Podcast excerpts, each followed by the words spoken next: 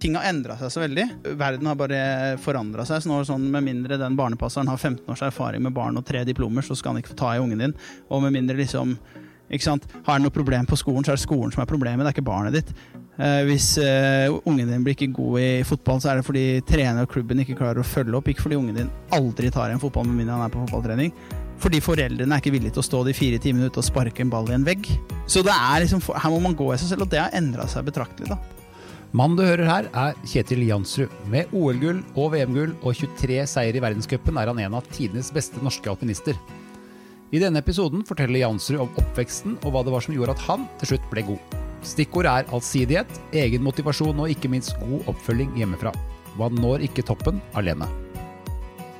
Men før det så skal vi i Pappatrenerne ta en liten titt på Norsk Tipping sin trenerattest, som vi mener alle norske trenere bør ta.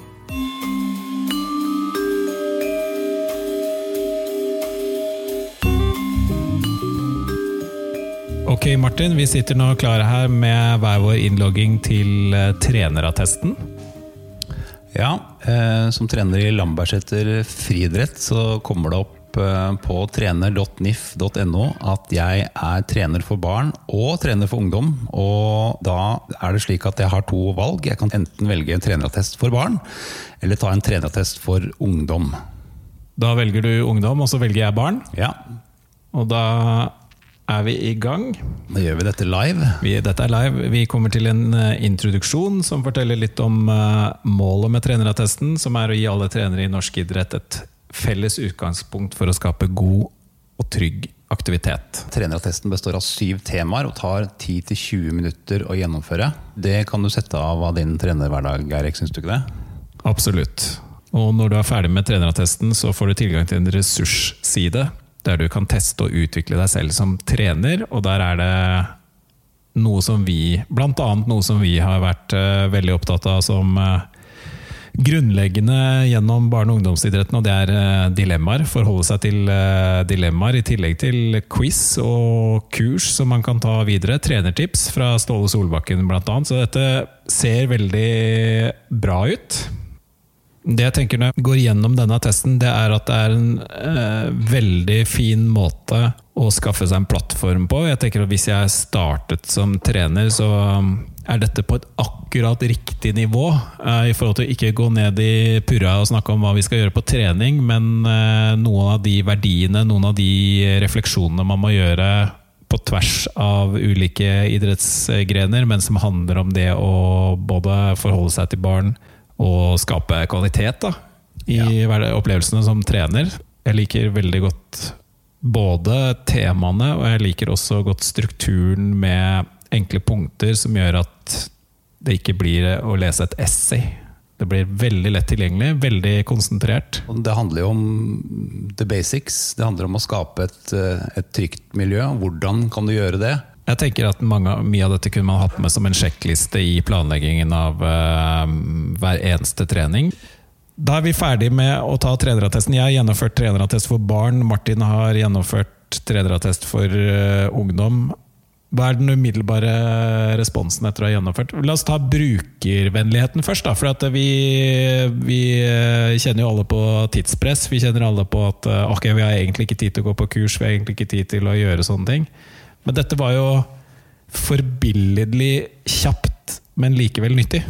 Jeg syns det var en veldig var veldig gjennomtenkt eh, og ikke minst inspirerende test. Eh, det fikk meg til å reflektere og tenke gjennom et par ting som kanskje litt, har ligget litt sånn brakk, spesielt det siste året etter korona. Hvor, hvordan man skal være med å inkludere, inkludere alle barn, f.eks. Og det inspirerer også til å øke påfyllet av eh, kunnskap. En ting er at dette er en attest som sier at ok, du har faktisk vært igjennom noen viktige punkter, du har reflektert litt og du har uh, testet deg litt. Men jeg syns også det er en veldig god sjekkliste. Som man nesten kunne hatt uh, printa ut og hatt i trenerbagen. Absolutt. Det er en eh, sjekkliste som funker fint i forhold til planlegging. Altså en liten sånn kvalitetssikring av treningshverdagen. Ned på Nesten ned på hver enkelt eh, dag. Så det har jeg faktisk tenkt å gjøre. Jeg har tenkt å ta ut disse punktene og ha de med meg, fordi eh, dette er en reminder når man eh, sitter der og planlegger eh, og tenker øvelser og tenker teknikk og tenker kondisjon og tenker sånne ting. Så er dette med å tenke på gruppesammensetning og ferdighetsnivå og ja Økonomi, for den saks skyld. Ja. Veldig nyttig å få den reminderen, som du sier. Ja, og ikke minst hvordan man faktisk eh, skal som trener være et eh, forbilde, en rollemodell for barna. Og så til slutt så tenker vi kanskje at dette er eh, en fin måte å, å senke terskelen ytterligere. For hvis man går gjennom denne trenerattesten som voksen, så tror jeg du vil kjenne på at ok, dette handler ikke om jeg er, selv har vært en glimrende hekkeløper eller fotballspiller. Dette handler om helt andre ting. Og de andre tingene er til syvende og sist de aller, aller viktigste. Om du faktisk trives og føler deg trygg og gleder deg til å gå på trening. Og Da kan vi avslutte med Leif Olav Valnes sitt berømte sitat 'Godt gjort er bedre enn godt sagt'. Amen. Vi skal tilbake til Kjetil Jansrud. Han ble født i Stavanger og hadde sine første år på paddeflatte Randaberg på Jæren. Ikke akkurat en alpinbygd. Men da foreldrene tok med seg familien til Vinstra i Gudbrandsdalen, ble gleden over å stå på ski introdusert hos lille Kjetil. Som unggutt kunne han kjøre miniski helt ned til skolen, som lå to kilometer unna. Faren Jan så tidlig at Kjetil var en svært aktiv unge som trengte å blåse ut all den energien han hadde i kroppen. Og fra Kjetil var syv år, dro han og faren til alpinbakken i Gålå en halvtime unna. Fem ganger i uka på vinterstid sto de sammen ned bakken. Jeg husker jo ikke at jeg ble født, men jeg har jo blitt fortalt på en måte den måte familiehistorien senere. Og det begynte vel egentlig med at uh, mamma og pappa bodde i Trondheim eh, under utdannelse. Og uh, pappa fikk jobb i oljebransjen, uh, Stavanger, og der ble jeg født. Um, Uh, og spole kjapt framover, uh, egentlig, så har jeg vel egentlig fått hørt at jeg var veldig aktiv uh, barn uh, som veldig ung. Og mor og far som egentlig er veldig glad i natur og aktivitet. Da, og, og egentlig litt Om ikke helt tilfeldig, så tror jeg nok egentlig at eh, det var utlyst en stilling i Vinstra i Gudbrandsdalen som pappa da så på så veldig interessant ut. Og så var de vel oppe og kikka, og så sa vel no, mamma noe i den duren sånn Opp hit skal jeg liksom aldri flytte. De er begge fra, fra Skjetten. Så for de som vet hvor det er, sånn Lillestrøm Det er jo på en måte egentlig Om det ikke er storbymennesker, så er man i hvert fall veldig sentralt da på Østlandet. Eh, men eh, det ble jobb til begge to. De flytta oppover. Og siden den gang eh, benytta seg av alt det lokalsamfunnet har å by på der, med natur og, og aktiviteter. Og, og sånn sett har det fulgt meg òg, egentlig. På Ystad er det alpinbakke Gålå, skiarena. Eh, kjøretid eh, ca. 20 minutter til en halvtime, litt avhengig av hvor hardt du tråkker på gassen eh, opp i fjellet. Et veldig veldig fint skianlegg, ikke så veldig krevende, men, men har mer enn nok bakker og høydemeter egentlig til at, at det er et fint ferieområde, egentlig. Og når jeg tenker tilbake, da, det var vel i Var det i 90, tru? Lurer på om det var 90 flatt, jeg. At eh, klubben eller litt over ble stifta. Og da ble den stifta av Amund Rudi, litt forskjellige andre foreldre sikkert. Så jeg kjenner ikke til liksom, den spesifikke klubbhistorien, men, men da ble det starta. Og da var vi på plass. Eh, og forhistorien til det er eh, egentlig at jeg fikk mine første alpinski i en alder av seks eller syv av mine tanteonkler. Og var gjennom da min tante jobba i Bertlosten. De hadde agentur på Dynastar, og sånn så jeg fikk tak i billig alpinski. Uh, det var egentlig mitt første møte da med alpint. Uh, også for å sette det i kontekst hvorfor vi endte opp på Gålå i den klubben i- i, da det ble starta, som er jo da videre en, en interessant historie i seg selv, det da, så hadde jo mamma og pappa vært uh, ingen erfaring fra uh, idrett, egentlig. Ikke drevet med noe på høyt nivå selv. Uh, pappa har vel drevet noe med vektløfting sånn på fritida uh, da han var yngre, men, men ellers ingenting. Men, men var veldig glad i å gå på tur og være i naturen. Så jeg hadde hatt veldig mange timer på langrenn fra jeg var veldig ung. Så allerede i en to-tre års alder så var jeg ganske bra på langrenn. Jeg gikk mye, gikk lange turer med foreldre.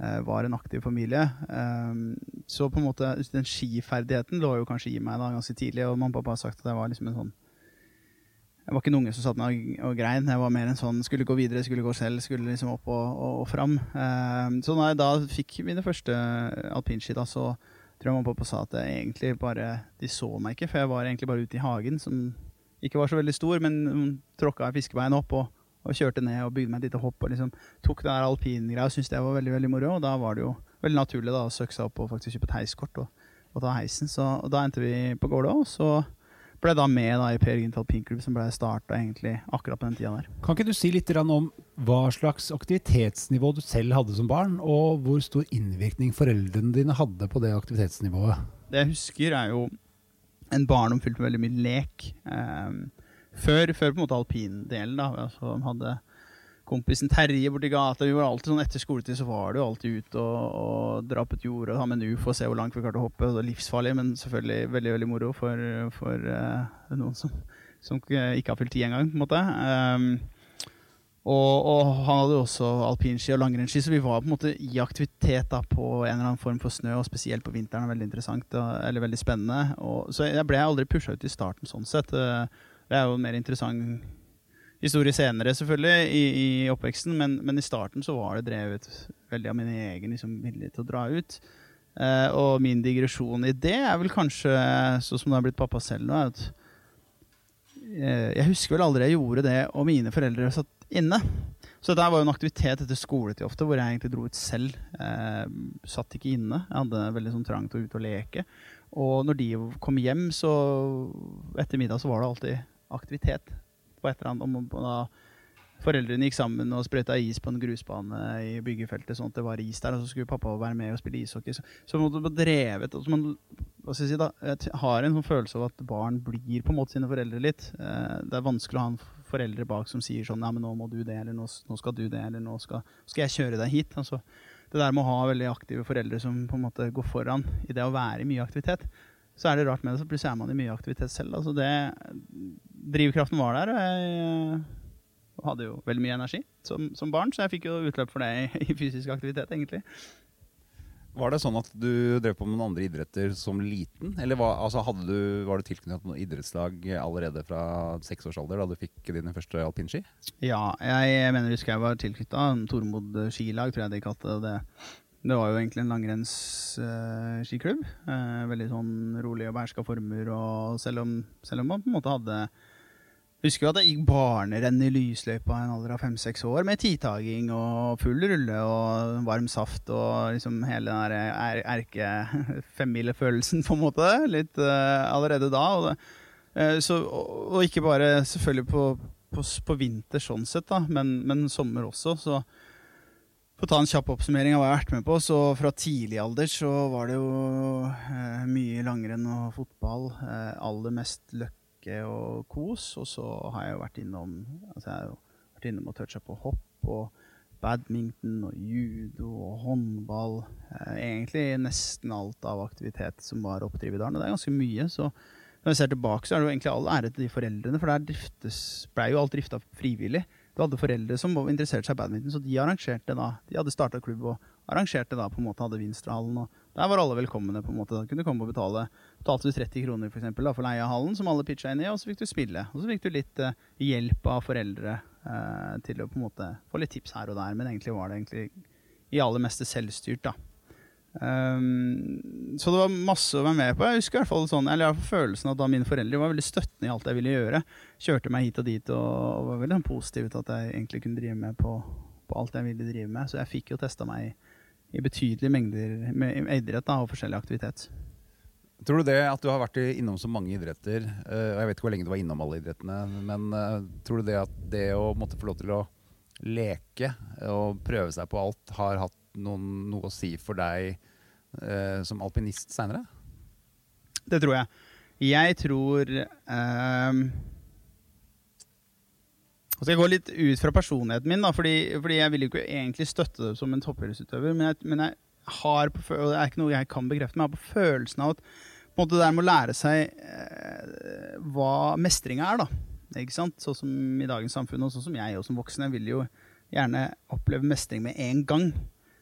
Men som barn så har man liksom et annet forhold til det å mestre. Eh, altså hvilket nivå man skal være på, eller hva, hva er det egentlig som, som, er en prestasjon. ikke sant? Så På den tida der så var det å drive med masse Jeg har jo på en måte lært meg eh, det å liksom måtte lære meg nye ting. da. Altså Lære bli god i flere ting. Eh, og jeg tror definitivt det å måtte ikke bare skulle drive med hopp eller alpint eller langrenn liksom eller en av de, da, eh, har gjort at du har en ganske bred base for, for den fysiske aktiviteten. Og du får virkelig kjent på hva du liker å drive med. Og jeg syns jo til dags dato at jeg, jeg var egentlig med egentlig på alt jeg kunne, og syntes alt var gøy. Så jeg syns jo hopp var gøy, men jeg var jo langt ifra den beste. Jeg syntes judo var gøy, men jeg var jo på en måte langt etter de andre. Så jeg var jo ganske tidlig lærte meg på en måte gleden i de små mestringene hele veien. da, Og blei jo veldig heia på av mine foreldre for liksom de små tingene man, man fikk til. Uh, så Sånn sett så tror jeg det forma meg veldig i den jeg er i dag. Uh, men selvfølgelig på et eller annet tidspunkt da, så ble det jo veldig veldig mye alpint og mindre tid til andre, så døde det litt sakte, men sikkert ut. Uh, og så hadde jeg jo også foreldre som satt krav, da, så etter hvert som jeg blei eldre, så så var det mer naturlig på en måte at når jeg tok mer og mer av deres tid, da, og jeg ønsket å gjøre mer idrett, så ble det også litt spørsmål til meg om ikke jeg ville gjøre noe mer da, enn jeg gjorde andre idretter. Kan du ikke fortelle litt om uh, foreldrene dine, og kanskje spesielt faren din, som uh, jeg skjønner han hadde ingen formell trenerutdannelse. Uh, kom til Vinstra og hadde vel om ikke knapt sett en alpinbakke, kanskje feil å si, men han hadde i hvert fall ikke en treningskompetanse, og i hvert fall ikke innenfor alpint. Hva var hans inspirasjon til å, å starte med nettopp alpint, kontra f.eks. sitte inne i en håndballhall eller uh, badminton? Og, og, og, hva gjorde han uh, for at du skulle, eller for dere som familie skulle bli uh, bedre alpinister? For jeg skjønner at det var ikke bare du som holdt på med alpint? Nei, det er jo interessant, for da burde han egentlig få lov til å svare litt selv. Men, men jeg vil jo tippe det at det, det, er, det, er, flere aspekter ved det her. For det første så tror jeg nok han har sett at jeg har hatt en eller annen spesiell glede kanskje for ski. da. Mer enn jeg kanskje hadde for fotball eller andre ting. Den andre delen av det er nok at med min eh, iver da, etter å gjøre noe, så tror jeg han også ønska å påvirke omstendighetene rundt det. Altså det vil si at hvis du er i fotballlag og sønnen din ønsker å på en måte gjøre det her hver dag, men det er bare én trening i uka. Og så spør du foreldrene om liksom ikke skal vi ikke gjøre noe mer? Vi, altså, disse ungene ønsker jo å være veldig mye aktivitet. Så får du den Nei, nei, men vi, vi kan ikke da. Eller én trening i uka er nok. Så tror jeg kanskje det var, om ikke en sånn ren frustrasjon, så tror jeg egentlig det for han var mer sånn Her må vi finne et eller annet miljø som, hvor det er fritt fram til at vi kan være i så mye aktivitet som vi vil, og der Eh, for å bruke et ord som kan oppfattes negativt, da, men der det liksom ikke er noe brems. Der, der det er, eh, om ikke ambisiøse mennesker, i hvert fall mennesker som ønsker å på en måte legge til rette da, for at folk kan holde på så mye de vil. Eh, og det tror jeg vi fant da ganske fint i da Per Gynt Alpinklubb, også fordi det var nystarta. Så, så, det var ikke så mye sånne sterke personligheter rundt den klubben som skulle mene noe om ditt. Så jeg tror egentlig pappa fant seg et hjem, og så tror jeg også det er enklere for han selvfølgelig hvis du har en, en veldig veldig ivrig sønn da i dette tilfellet og han ønska å følge opp og syntes det var gøy å følge opp, og da få på en måte litt mer frie tøyler, eh, så, så, fant han det der, og, og, de på en måte Der fikk vi arrangert så mye vi ville, og de som ønska å være med på det, var med på det. De som ønska mindre, var med på det. Men det var i hvert fall ikke sånn, man var ikke avhengig av alle for å, for å ha med sønnen sin. da. Så vi har sånn sett vært mye aleine i bakken. Eh, men eh, trenerutdanning så var han jo helt blank på det. Eh, jeg har nok alltid vært en eh, målretta menneske. Så men, men, han tok jo da sin trenerutdannelse egentlig sammen med min utvikling. egentlig da. Så når jeg var sånn år, så tok han A-trenerkurs, og så B-trener, og så C-trener og D-trener. Så det gikk jo sin gang. Men jeg husker jo flere ganger hvor han kom tilbake fra trenerkurs og var egentlig litt sånn misfornøyd da, med trenerkursene, for han følte at eh, det var bedre ting å trene på, eller sånne ting. Så, så pappa har vel egentlig klart, mener jeg, da, en veldig god måte å være en veldig noen involvert foreldre i trenerdelen og hatt som han har sagt, liksom, timevis med diskusjoner på telefon da, med sånn som Amin Rudi, da, som ikke hadde egne barn, men som var en trener i, i klubben, om liksom, hvordan var teknisk utviklingen, hvordan skulle vi legge opp trening og sånn, uten at egentlig åtte-niårige meg skjønte det. Jeg var der og koste meg på ski og hadde mine venner der og hadde det supert, mens at det alltid lå en viss sånn idé da, om hvordan jeg sikkert skulle se ut noen år ned i gata. Så du fikk lov til å måtte, leke og utfolde og kose deg og gjøre det du syntes var gøy? Det var ikke noe strengt treningsregime sånn fra foreldrene eller fra faren din da, i, eh, i tidlig alder? At nå, hvis du, skal, hvis du skal nå toppen, min sønn, så er du nødt til å legge ned eh, så og så mye trening? Nei, men jeg tror liksom han aldri trengte å ha den praten med meg fordi han var involvert i alt. Altså Da snakker vi litt sånn lead by example her. At at du kan ikke sitte hjemme i sofaen og si til sønnen din at har du lyst til å bli god i fotball, så må du ut og trene nå. Pappa var jo mer sånn, han var den som var mer interessert i å være mer i bakken nesten enn meg, så jeg blei bare med. Og vi hadde øvelsene klare, og jeg gjorde det jeg ble, fikk fortalt om. Eller så noen ganger spurte jeg sikkert hvorfor jeg skulle gjøre det, så det var jo alltid et svar på hvorfor det også. Men, så det var jo helt, det var lagt opp strukturert, og det var lagt opp med en plan, men det var aldri, jeg måtte aldri på en måte sitte i den hvis du ønsker å, å, bli god en åtte år gamle sønn, så må vi trene masse. Altså, for det var helt uinteressant, for Vi var jo bare helt enormt mye i aktivitet. Men aktiviteten var satt i en viss struktur. Det var liksom ikke bare lek og moro. Det var, ikke, var aldri i vår eh, hverdag at jeg på en måte kunne da finne på å stikke ut av løypa og kjøre en tre-fire turer i skogen. Altså fordi det var en viss sånn ramme rundt det. Men, men, den praten hadde vi ikke før veldig veldig mange år etterpå, når jeg var gammel nok til å på en måte også kunne forstå konteksten i det. Når uh, ga du deg med de andre idrettene du holdt på med? Eh, jeg tror jeg ga meg Begynte å nærme oss 12-13-14 års alder. Eh, jeg husker jeg hadde noen år med, år med stor bane i fotball. Eh, datt nok av sånn judo og hopp og sånn, og de litt mer sånn som var da perifere idretter i min sfære. da. De datt jeg av tidligere på. Og så var det ting som jeg likte veldig godt, da, som jeg holdt og tviholdt litt på, da, sånn som badminton, som kunne være på kveldene. Men da var jo det i naturlig opptak med at vi sto mer og mer på ski, og det vi gjorde der, som jeg syntes var veldig moro, krevde mer og mer av meg. Eh, så hvis jeg skulle gjøre det, så måtte jeg spe på det. Så det ble jo en ekstra aktivitet for meg. Men, eh, men igjen, da Se på det med 35 år gamle øyne, så, så, hadde jeg jo sett på det som ekstra trening i dag. Men da var det jo bare moro. Altså Da var det på en måte en, en ekstra ting jeg måte fikk lov til å gjøre. Ja, for det er jo noe med den, eh, altså den koordinasjonen du får i judo eller du, i badminton. Den er jo sikkert overførbar på mange måter til uh, det en alpinist skal drive med, som jo er ekstremt allsidig, kontra f.eks. en sagt for meg selv, en sprinter som skal løpe fortest mulig rett fram. Jeg holdt jo på å spille tennis da jeg var 13-14-15 år. Eh, håpløst eh, for eh, både spenst og, og hurtighet.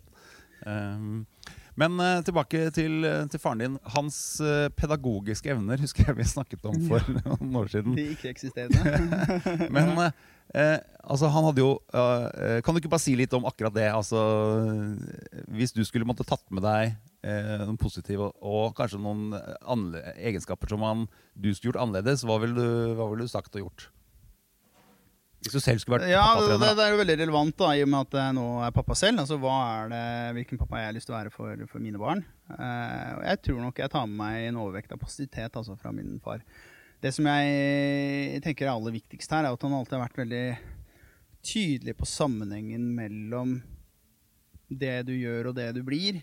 på en eller annen måte, Og det er uavhengig om det er skolearbeid eller idrett. at vi eh, det er, det er, du som sier her at du har lyst til å bli verdens beste, og det har jeg helt sikkert tatt i min munn fra jeg var syv-åtte år, og ikke ment, så skjønt hva det innebærer, og egentlig ikke blitt utfordra på det da, men da liksom da med årene eh, vært en veldig tydelig tilbakemelding på hvordan vi skal gjøre det. Og hvis du syns dette er gøy, hvis du har lyst til å drive med dette her, så må det være en plan bak det. Skal vi fra A til Å, så, så må vi innom disse bokstavene. Vi kan, vi kan ikke ta noen snarveier. Uh, og det er veldig lærerikt. Eh, det jeg ikke tar med meg, er jo på en måte å eh, være så altså, La oss prøve å sette det her i en kontekst så jeg så snakker så de som hører på, forstår. Så er det sånn at det beste eksempelet på dette her jeg har, er Skiforbundet. Når jeg, eller da jeg var 56, og når da ungdommer blir 15-16-17 er kanskje kjempetalenter, så kommer de inn i Skiforbundet, kommer inn i en stor organisasjon hvor det er veldig lite sannsynlig at den personen som skal trene deg, eller som blir trener for deg, eller støtteapparatet ditt, har like mye personlig investert i deg som foreldre har. Det vil si at det er en ganske stor brytning. Hvis foreldrene dine da ikke klarer å levere fra seg et menneske som, er, som forstår hva dette er. Forstår hva personlig utvikling er, forstår hva som skal til. Hva skal jeg gjøre for å være en utøver? Som har et personlig eierskap til det, som er strukturert, som har liksom lært seg hva dette her er. Så kan det bli veldig vanskelig. Og det handler litt om pedagogikk. For det handler ikke bare om å være der og stille opp og kjøre til trening, og sånne ting, men det handler på en måte om å, å gjøre noe mer, da. Som er kanskje litt mer menneskelig da, enn bare utøveren. Det, ikke, det, ikke, det holder ikke å bare være en veldig dyktig utøver i en alder av 15-16, men du ser jo det er de oppegående menneskene da, som kan dette her, som gjerne når lengst. Og det er gjerne de du ikke hører om når du er 14-15-16, men som da plutselig kommer i en rakettfart i, opp i 20-åra. Eh, fordi alle andre detter av. da. Og så har du de enerne som har begge deler. Eh, Så det er jo tingen som jeg kanskje kan Som jeg vil være, veldig opptatt av til mine barn. Eh, at man lærer liksom, den evnen til å analysere og rasjonere, være rasjonell på egne valg. Og liksom, som kanskje avleverer litt mer komplett, komplett ungdom da, enn en bare treningsprodukt. på en måte. Men samtidig så, så kan jeg telle på én hånd de situasjoner hvor jeg følte det har vært ubehagelig med min far, hvor han virkelig har satt meg opp til veggs og sagt sånn no, dette holder ikke. Og det, det kom jo først altså, sent, altså ungdomsskole, når, når, livet begynner å bli mer interessant. ikke sant? Det er veldig lite med tanke på alle de tusen treningstimene og, og dagene og reisene vi har hatt. Eh, det er jo lov å være ambisiøs eh, også som forelder, mm. samtidig som man ikke skal være overambisiøs på barn sine vegne. Men hva Da handler det jo egentlig eh, kanskje på en måte å, å, skape en indre motivasjon hos barna. Eh, for det er jo ikke alltid det er like gøy å gå ut i 30 minusgrader og kjøre ned bakken. Som du sikkert har gjort ganske mange ganger der oppe på det kulde hølet. Mm, det har jeg.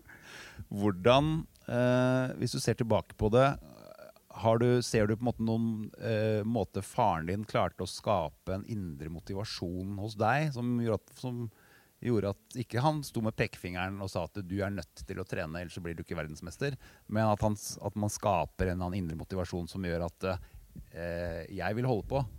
Ja, eh, både ja og nei. Fordi har, Han har nok aldri stått der og på en måte sånn, Han har aldri vært noe sånn kjempegod til å skryte eller på en måte prøve å juksemotivere meg, da. Eller fortelle meg liksom at sånn, ja, men du er så flink, og dette her blir bra, og liksom sånn, nå, nå, er, du kjempe, nå er du kjempegod.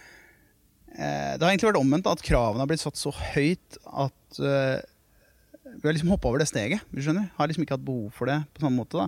Om det er fordi den indre motivasjonen alltid har ligget der, det, det er vanskelig for, for, meg å si noe om. og Dette blir jo på en måte min historie. Men, men for å sette det litt i kontekst og hva vi igjennom, så var det sånn pappa var pådriver for at vi i en alder av tolv år Eh, kjørt i fartsstress i 36 minusgrader i Kvitfjell super Og for de fleste foreldre så de gidder jo ikke å ta med ungene sine ut av hytta engang når det er over 30 minus. Og da, da dro vi innom en felleskjøp eh, og butikk og kjøpte en sånn der termodress liksom, som, som, da eh, bøndene må bruke for å holde varmen i, i under eh, fjøsstressen når det virkelig biter, og de må ut uansett. Og det har vært litt holdningen, da. Og det minste det jeg har fått med meg, er på en måte at det, det, det ligger alltid alltid muligheter der da, for å gjøre noe. Og, det er ganske utdanna altså, for en som skulle tro var et barn, men som også forstår det at liksom Hei, altså Det er ikke noen begrensninger her. Det ligger ikke noen begrensninger. Og lært, oss, lært meg det tidlig at uh, selv om jeg ikke syntes det var dritgøy, så var det i hvert fall en sånn herre Pappa var der i bakken med meg. Han, han frøys med meg, og han var positiv. Og dette gikk bra. Og hvis jeg klagde, så var det sånn Nei, men kom igjen, liksom. Det er jo bare, tenk om det hadde vært 45 minus. Eh, så han har egentlig vært veldig til stede. Og det er litt mitt punkt. At, punkt én er jo at eh, personlig motivasjon da, handler jo om involvering å gjøre. Og det handler jo om å oppleve mestring. Og det gjelder jo for foreldre òg. Så øh, jeg er jo øh, kanskje midt imellom den diskusjonen da, om, om klin gærne foreldre egentlig skal få lov til å ta dominering i et fotballag. Vi har drevet med en individuell idrett, litt lettere. Men hvis ikke du lar, lar liksom også de som er nærest barna, få lov til å involvere seg, da, og, eller hvis de ikke involverer seg, så tror jeg den veien blir litt vanskelig. Fordi det er noe barn trenger, og ungdom trenger, så trenger du faktisk foreldre som, som, viser at de er involvert, at det egentlig er en bra ting. Det er mye kjærlighet i, i involvering. Og, og, eh, det er vanskelig å være barn og, og, på en måte skulle lære seg alt det her hvis, hvis foreldrene bare forteller deg det. Det å komme fra et lite sted Mm. Uh, tror du det er en fordel for uh, utøvere uh, som deg, altså som driver med individuell idrett, kontra det å komme fra et stort sted? Altså det, og da, med det så mener jeg egentlig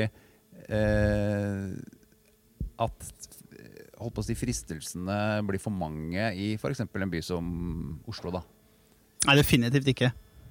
Det er bare tull. det har ingenting med det å gjøre. Fordi om fristelser eller ditt og datt Jeg har blitt satt overfor mange fristelser, jeg også. Der er jo vennegjenger eller det sosiale egentlig ganske likt. Kanskje enda hardere egentlig på bygda noen ganger. Eh, for du blir jo et veldig utskudd. I, i, i de store, store, byene så tror jeg nok det er lettere å finne liksinnede, både for foreldre og, og utøvere.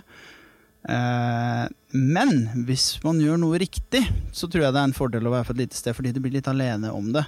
Eh, det er jo utgangspunktet et litt negativt lada ord, men da i, i vår setting, da også da Finne, fant vi da Sjur Øvsteng og Mons Mikkel Bjørge.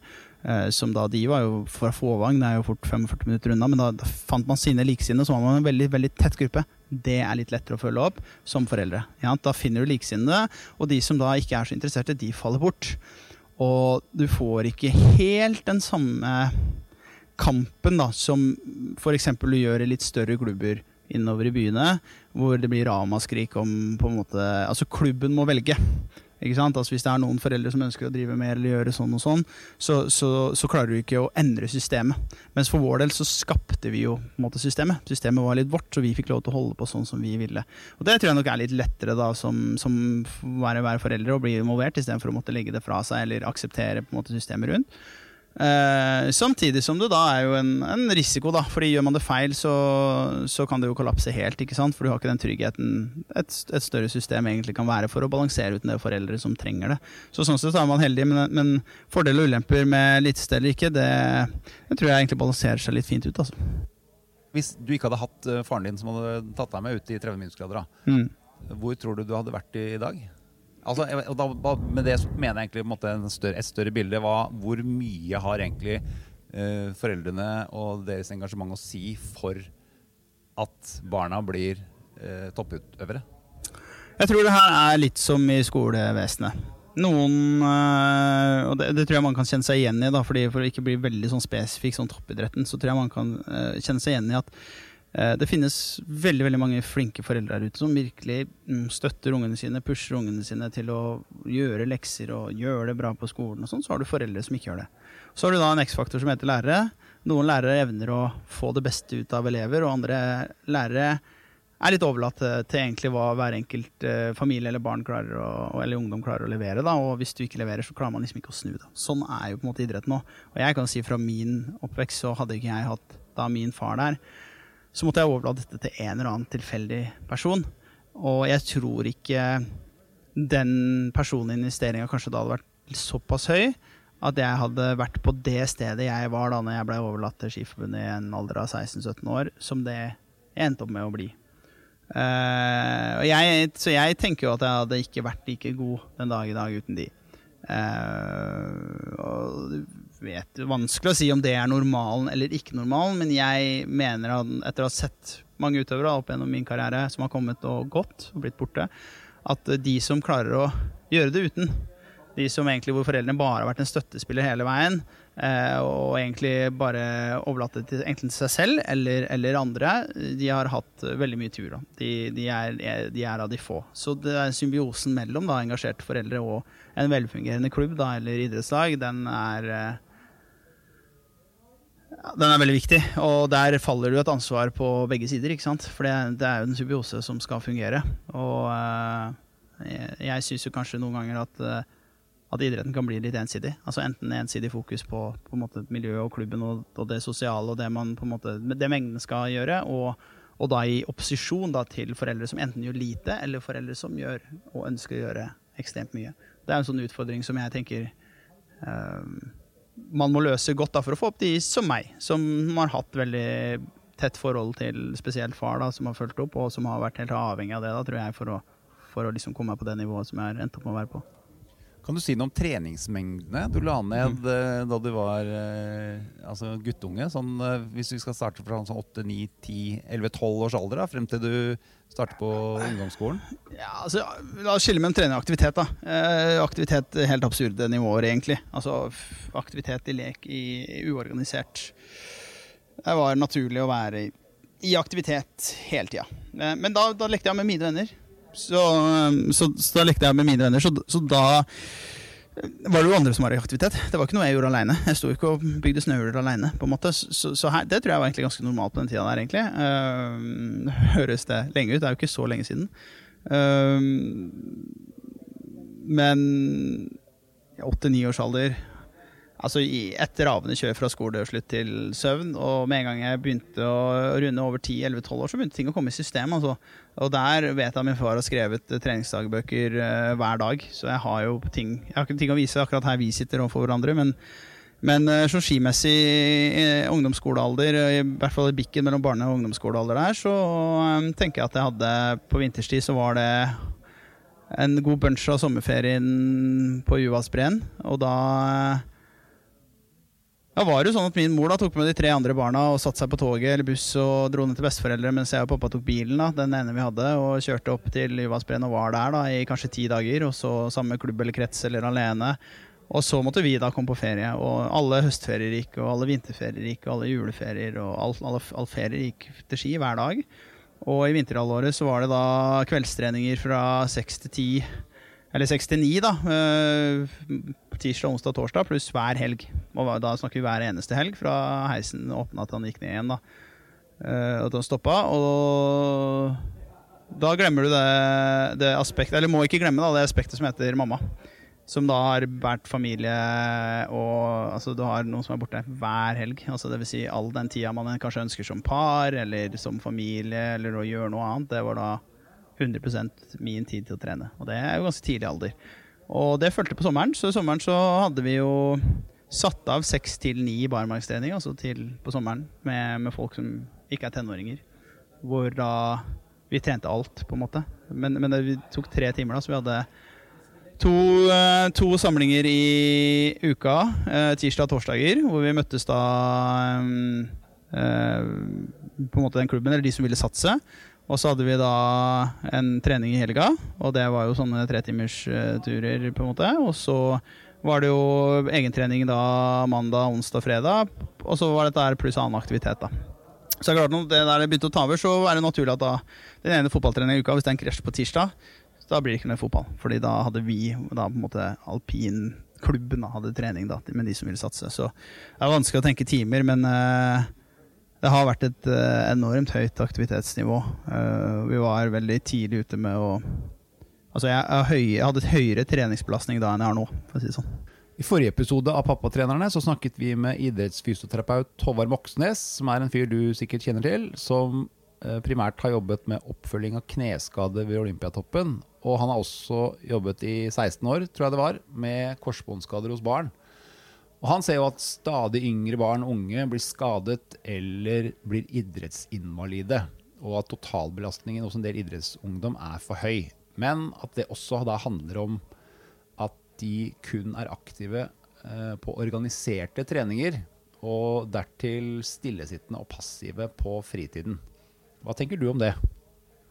Jeg tenker det treffer spikeren på hodet. Eh, aktivitet er jo på en måte grunnlaget for idrett.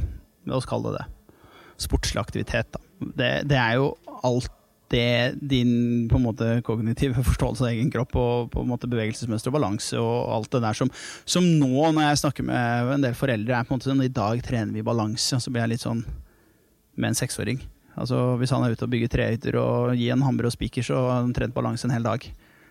Så, så man, man, man, som profesjonell Eller jeg er ikke egentlig redd for at man profesjonaliserer for tidlig, men man eh, setter dette her i en, i en kontekst i, med trening som ikke, som ikke, skal være der.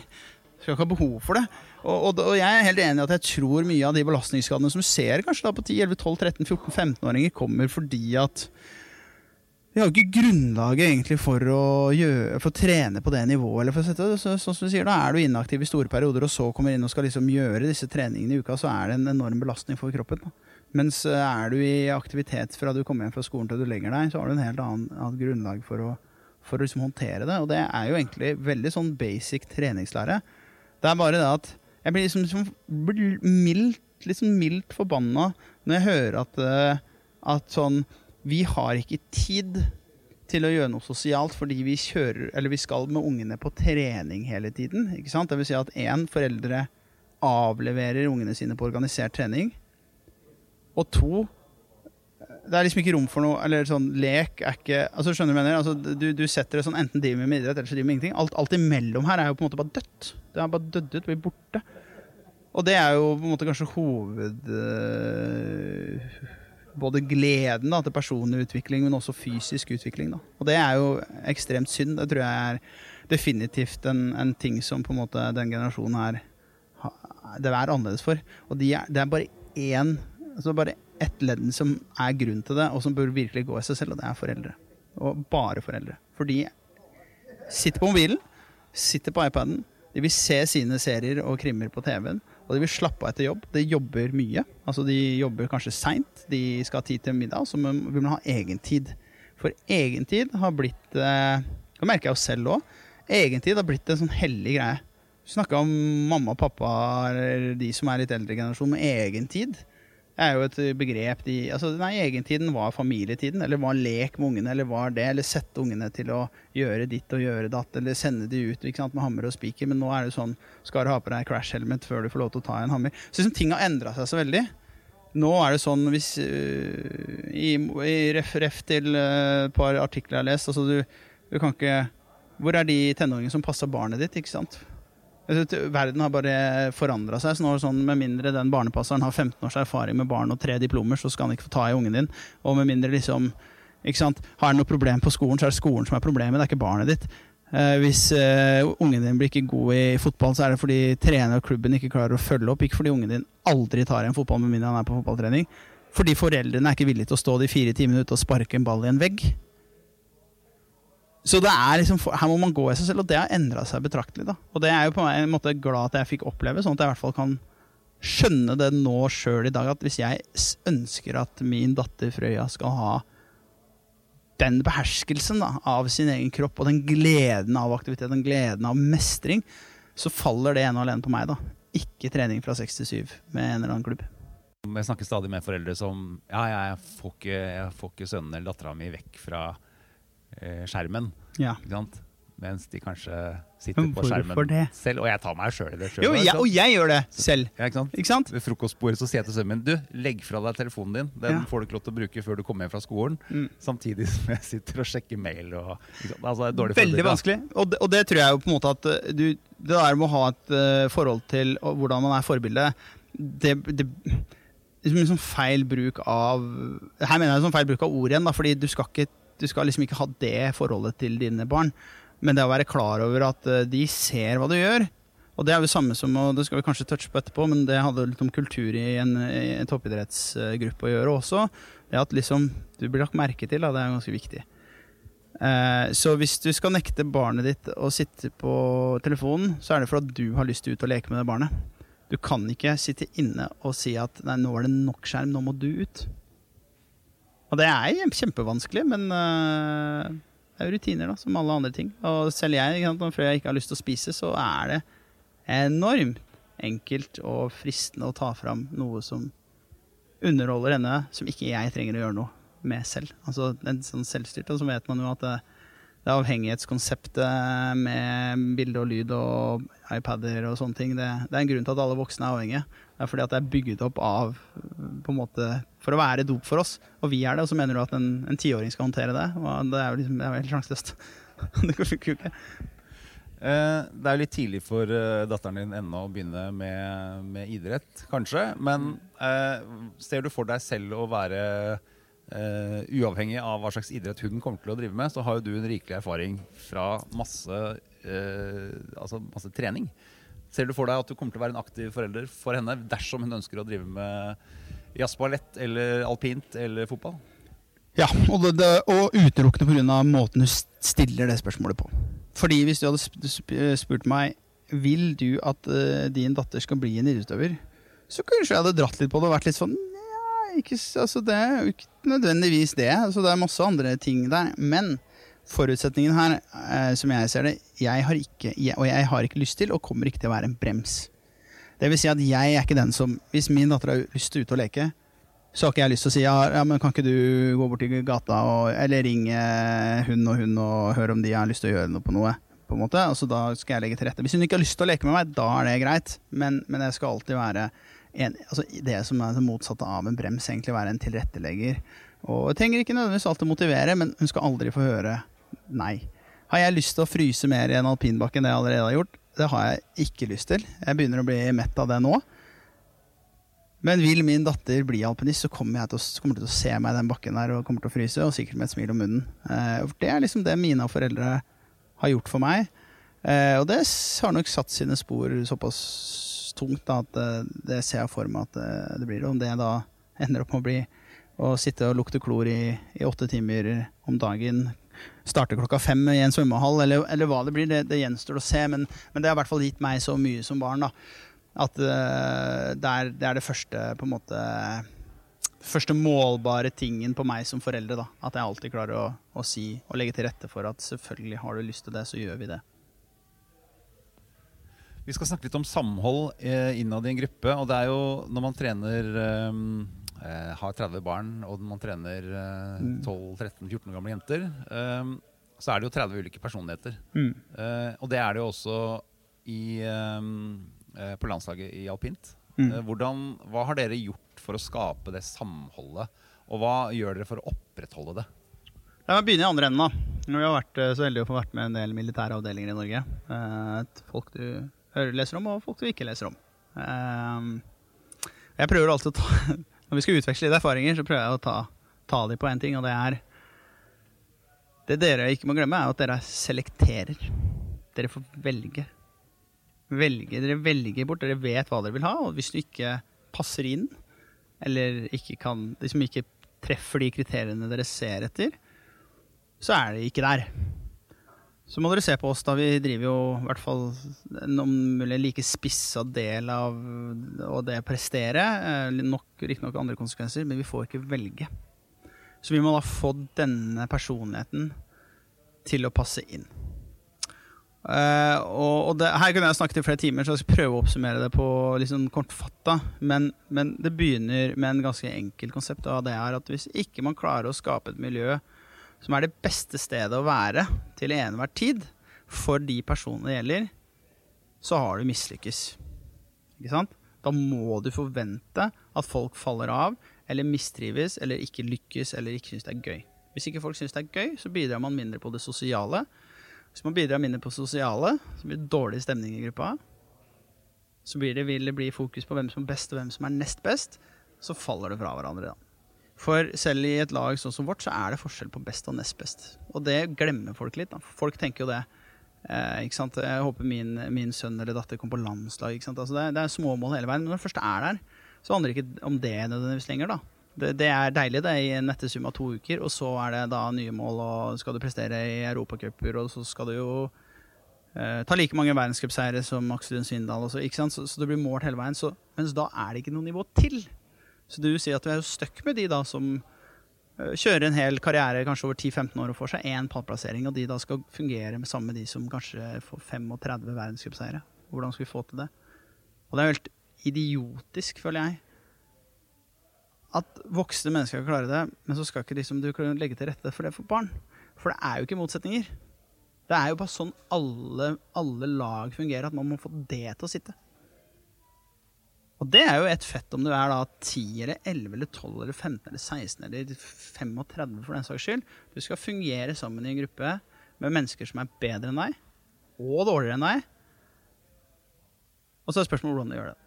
Og for oss så handler jo det om å definere kulturen litt uavhengig av resultater da, og hva du sitter med. Eh, for oss så er jo et par kjappe, kjappe oppsummeringer av Attacking Vikings er jo at hvis du er en del av Attacking Vikings, så er du 100% en del av Attacking Vikings fra dag én. Får ikke noe prøveperiode hos oss, eller, eller eh, være han tolvåringen som kommer inn i et nytt lag, og som han liksom har et halvt år før han blir venner med noen. Altså Her er gruppa ganske hard på at er du inne, så er du inne. Men så er du inne, så er det eneste vi forventer av deg, er at du selvfølgelig gjør det du kan på trening og stiller opp og er der og møter opp tidsnok alle de der banale tingene som du kan også høre i et foredrag av Petter Stordalen sikkert. Eh, med litt, litt mer schwung over ordene. Eh, men det andre er at du blir Du må bidra. Bidra rundt lunsjbordet, bidra rundt middagsbordet, bidra til stemning om det er bakken og sånne ting. Og for å få til det, så må du også kunne sitte ved det bordet og kjenne på en verdi uavhengig av hva du har prestert. Altså, og da må jo de som har vunnet mye, legge til rette for det. Da må jo jeg, jeg for eksempel, som er merittert, være såpass ydmyk rundt det lunsjbordet at jeg faktisk, den personen som sitter der som er 19 år og ikke har vunnet noen ting, kjenner på at han får sin plass, og at du blir anerkjent for bidragene, om det er da sosialt, en spøk eller en historie fra helga, eller, sånn at man skaper det, for det er der tilhørigheten kommer inn. Det er jo ikke om du spiller spiss eller forsvar, eller om du spiller eh, på benken, sitter på benken eller spiller altså hele, Det har jo ingenting med det å gjøre. For av de, mange av de gutta våre de må kanskje innfinne seg Ikke kjøre et VM eller OL, for vi har bare fire plasser. Eller kanskje innfinne seg med at det er ikke nok plass til å kjøre et verdenscuprenn og sånne ting. Men jeg er fremdeles en del av laget, og de, skal, de er hjemme. De skal ikke føle seg hjemme, de er hjemme. Så få det der til å flyte. Og da må kriteriene gå på alt det som ikke handler om selve utførelsen av idretten. Og der føler jeg jo at da, Nå kommer vi inn på litt sånn stor idrettspolitikk, da. Med skal barn få lov til å få plasseringer før den og den alderen, eller skal alle spille like lenge på, ikke sant? Og så kommer det et barn, og så sier foreldrene sånn her, ja, men eh, lille Lukas liker jo ikke å spille fotball, for han får ikke spille like mye som andre, men da må du som foreldre flytte det fokuset. For hvis du blir irritert over at din sønn ikke får spille, så blir selvfølgelig din sønn irritert for at han ikke vil spille. Fordi du står bak og skaper et miljø for at det er det viktigste. Mens det kan hende Luke hadde vært verdens beste fotballspiller. Han er en alder av 26 år, for du aner ikke hva som skjer, men du har allerede fått ham på tanken om å slutte for han ikke får spille for mye. Altså, Den der symbiosen der, den fungerer ikke i et toppidrettslag. Så det, må man få, det der må man ta tak i. Ikke sant? Verdien til hver enkelt og hvordan det skal fungere sammen i et lag, handler jo egentlig veldig lite om hva som faktisk utføres av idretten. Det du sier nå er ganske interessant, for det vi har jo snakket eh, mye og lenge om akkurat dette med trenernes, eh, foreldretrenernes ansvar, og uh, f.eks. det å legge til rette for at alle får spille like mye. Eh, eh, og at det er rettferdig frem til en viss alder. Eh, mens det du sier nå, er jo eh, også at foreldrene har et ansvar for å eh, legge til rette for at barna kommer, eh, er med og skaper et miljø, selv om det er sånn at ikke alle er like gode og ikke får spille like mye. da. Ja, det er egentlig det jeg sier. Eh, mens jeg er nok også litt tilhenger på en måte at alle må få spille. Eh, fordi dette her er jo Da må vi inn på litt mer sånn psykologi i forhold til skjørhet. Og man vet jo at personligheter er veldig forskjellige her, og ikke alle håndterer like godt og blir sittet på benken osv. Og den andre siden av saken er jo litt personlig utvikling. Eh, Hvor tidlig skal mennesker mennesket lære at eh, det er forskjell på folk, og at man må finne sin plass, og at det er greit, og at eh, det er faktisk lærdom i det. Eh, og at mestring noen ganger kan være tøft, men at de som henger i stroppen over lengre tid, faktisk tar igjen de, de som kanskje var gode som tiåringer. Altså, nå er jeg på store ting som, som er en hel egen podkast, men, men det jeg prøver å si, er jo at det må være en balanse. Ikke sant? Det må være en balanse mellom de som er gode, som ikke, sant? Her sitter du og snakker med en fyr som hater ordet talent. Og hva er talent? Det er jo fysiske forutsetninger er et visst talent. Det kan du ikke noe for. Men sannsynligvis så kan du nesten gå tilbake til de, disse barna var født, og se på litt på aktivitetsnivå, hva foreldrene har gjort, og hvordan man har sittet i aktivitet. Altså, liksom, og så finner man, så, så plutselig kommer det en med talent, men han har vært i kjempemye aktivitet. Ikke sant? Så jeg liker ikke det ordet. Men her i hvert fall, det må være rom for disse. Og så må det være rom for de som ikke er det, i et lag. Mens det tror jeg ikke løses med en slags kommunistisk holdning til at alle skal få ditt eller alle skal få datt. Men det må gjerne gjøres, det, men det må være i samsvar da med den kommunikasjonen. Da. Her er jo det store aberet, tror jeg, da, til mange klubber, er jo at det kommuniseres ikke. ikke sant? Fordi du har 20 spillere, så har du jo 40 foreldre. Eh, I hvert fall eh, om ikke alle er like involverte, så snakker de sikkert sammen, selv om de bor sammen eller ikke bor sammen. Og da noen få trenere som kanskje da må forholde seg til guidingen av de som er over i klubben, som må forholde seg til da selve individene på fotballen. Alt det her skal smøres sammen, da. Eh, og uten å ha vært en del av det, så tenker jeg jo at her Her mener jeg at det må være rom for, for en litt bredere tolkning av hva som er bra for barna og ikke, da.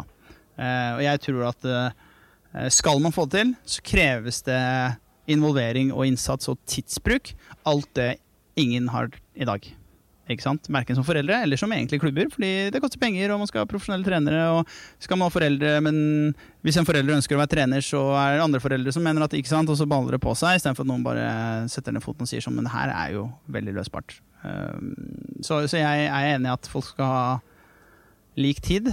Eh, altså Så lenge det ikke er eh, fokus på prestasjonene, så kan man jo like gjerne ha det. ikke sant? Alt det har snakket om nå, er jo på en måte at verdien i en gruppe ikke skal handle om resultatene. Problemet er bare at ungene vet det selv. Nei, du snakker litt om profesjonelle, profesjonelle trenere. Eh, hvor eh, eh, Og samtidig så snakket vi om samhold i laget. Hvor viktig det er å skape et samhold. Og da Ja, da har vi to minutter. Ja, vi har rommet det. Eh, kan du bare si til slutt eh, Er det viktig at barn har trenerutdannede trenere, profesjonelle trenere? Eller eh, er det viktigst at de, klarer, de trenerne som er til stede, klarer å skape et uh, samhold og ledende spørsmål? Hva er farligst da for et barn? Klin gærne foreldre eller, eller en dårlig trener? Eh, definitivt klin gærne foreldre. Fordi det er mange foreldre der ute som ikke er bra for sine barn i den settingen der. Så jeg støtter det.